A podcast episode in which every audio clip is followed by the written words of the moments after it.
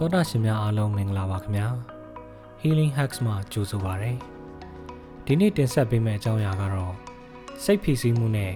စိတ်ဖိစီးမှုများကိုဖြေရှင်းခြင်းကျန်းမာပျော်ရွှင်မှုနဲ့အခက်အခဲများကိုတွန်းလှန်နိုင်စွမ်းဖြစ်ပါတယ်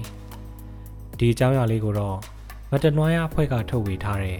စိတ်ပိုင်းဆိုင်ရာကျန်းမာပျော်ရွှင်ခြင်းလက်ဆွဲစာအုပ်မှာထုတ်နှုတ်ထားတာဖြစ်ပါတယ်။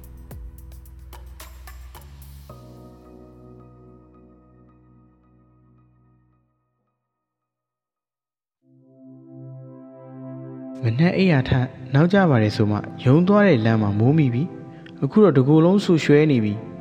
ကန်ဆိုးကျင်တော့ဖက်နှက်ကလည်းရုတ်တရက်ပြက်တယ်ကွာလမ်းမေးကတ်လျှောက်ပါတယ်ဆိုမှဒီကားတွေကအသေးမောင်းမြောင်းရည်တွေစင်ကုန်ပြီဖုန်းကလည်းရေဆိုးလို့ပြတ်သွားပြီတေရောကွာဒီနေ့ကတော့တကယ်အကူတူနေပဲ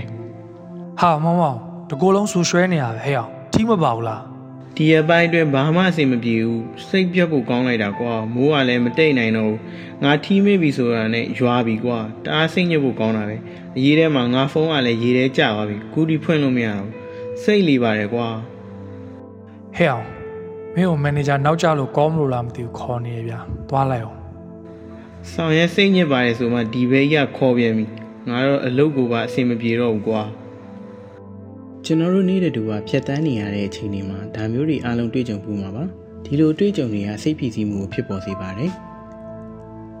စိတ်ဖိစီးမှုဟာအပြုသဘောဆောင်နိုင်တယ်လို့တင့်ကိုလည်းဘေးကင်းစေနိုင်ပါတယ်ဥပမာလမ်းဖြတ်ကူးနေတော့ဘယ်ကမှမသိတဲ့ကားတစ်စီးရုတ်တရက်ပေါ်လာရင်လုံခြုံတဲ့နေရာရောက်အောင်သွားဖို့စိတ်ဖိစီးမှုကကူညီပေးပါတယ်တခါတလေစားစရာဆန်ကုန်သွားတာခေါင်းမိုးမိုးယူတာ ကလေးနေမကောင်းတာငင်းခုန်စကားများတာစားတဲ့အခြေအနေတွေကြောင့်လည်းစိတ်ဖိစီးမှုတွေဖြစ်လာနိုင်ပါတယ်ဒီအခြေအနေတွေကဘဝရဲ့အစိပ်ပိုင်းတစ်ခုဖြစ်ပြီးတော့လူတိုင်းရင်ဆိုင်ရတဲ့အရာတွေဖြစ်ပါတယ်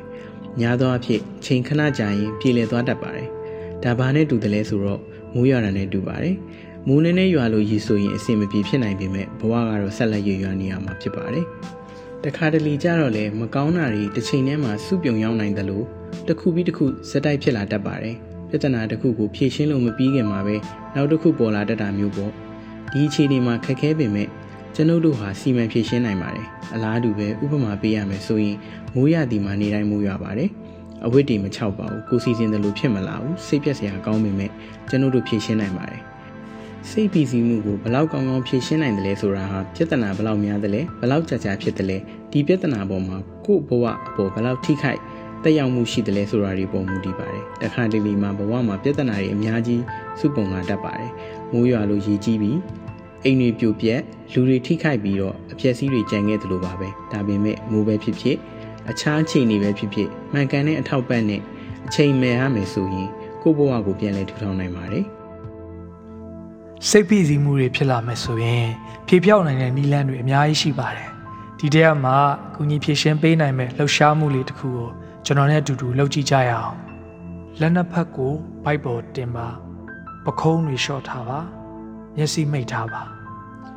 လေတွေဘိုက်တဲရောက်အောင်အသက်ကိုဖြည်းဖြည်းချင်းအရှိရှူသွင်းပါ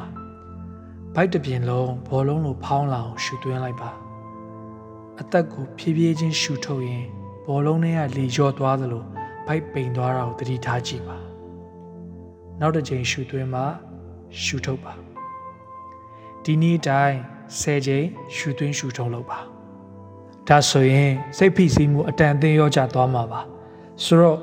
မမောင်းလိုပဲအစင်မပြေတာတွေကြုံတဲ့အခါမှာ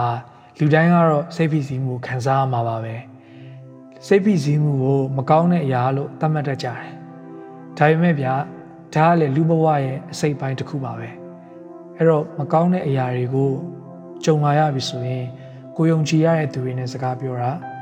အသက်ရှူလေ့ကျင့်ခန်းကိုခုနလိုမျိုး၁၀ချိန်လောက်လုပ်လိုက်တာ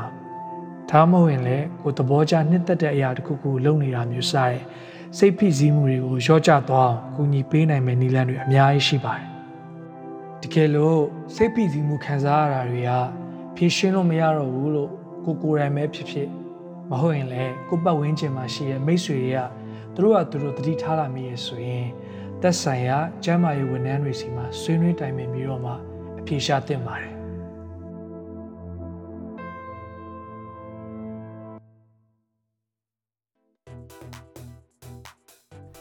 နားဆင်ပေးခဲ့ကြတဲ့သောတာရှင်များအားလုံးကိုကျေးဇူးတင်ပါတယ်ဒီနေ့တင်ဆက်သွားတဲ့အကြောင်းအရာလေးတွေကိုနားထောင်ပြီးစိတ်ပိုင်းဆိုင်ရာကျန်းမာပျော်ရွှင်မှုတစ်စုံတရာရရှိပါစေလို့ Healing Hacks မှဆုမွန်ကောင်းတောင်းလိုက်ပါတယ်။စိတ်ပိုင်းဆိုင်ရာကျန်းမာပျော်ရွှင်မှုနဲ့ပတ်သက်ပြီးမိမိကိုယ်ကိုဂရုစိုက်ကြဖို့နဲ့လိုအပ်လာခဲ့ရင် စိတ်ပိုင်းဆိုင်ရာတက်သည့်ပညာရှင်တွေနဲ့ဆွေးနွေးတိုင်ပင်ဖို့တိုက်တွန်းလိုပါတယ်ခင်ဗျာ။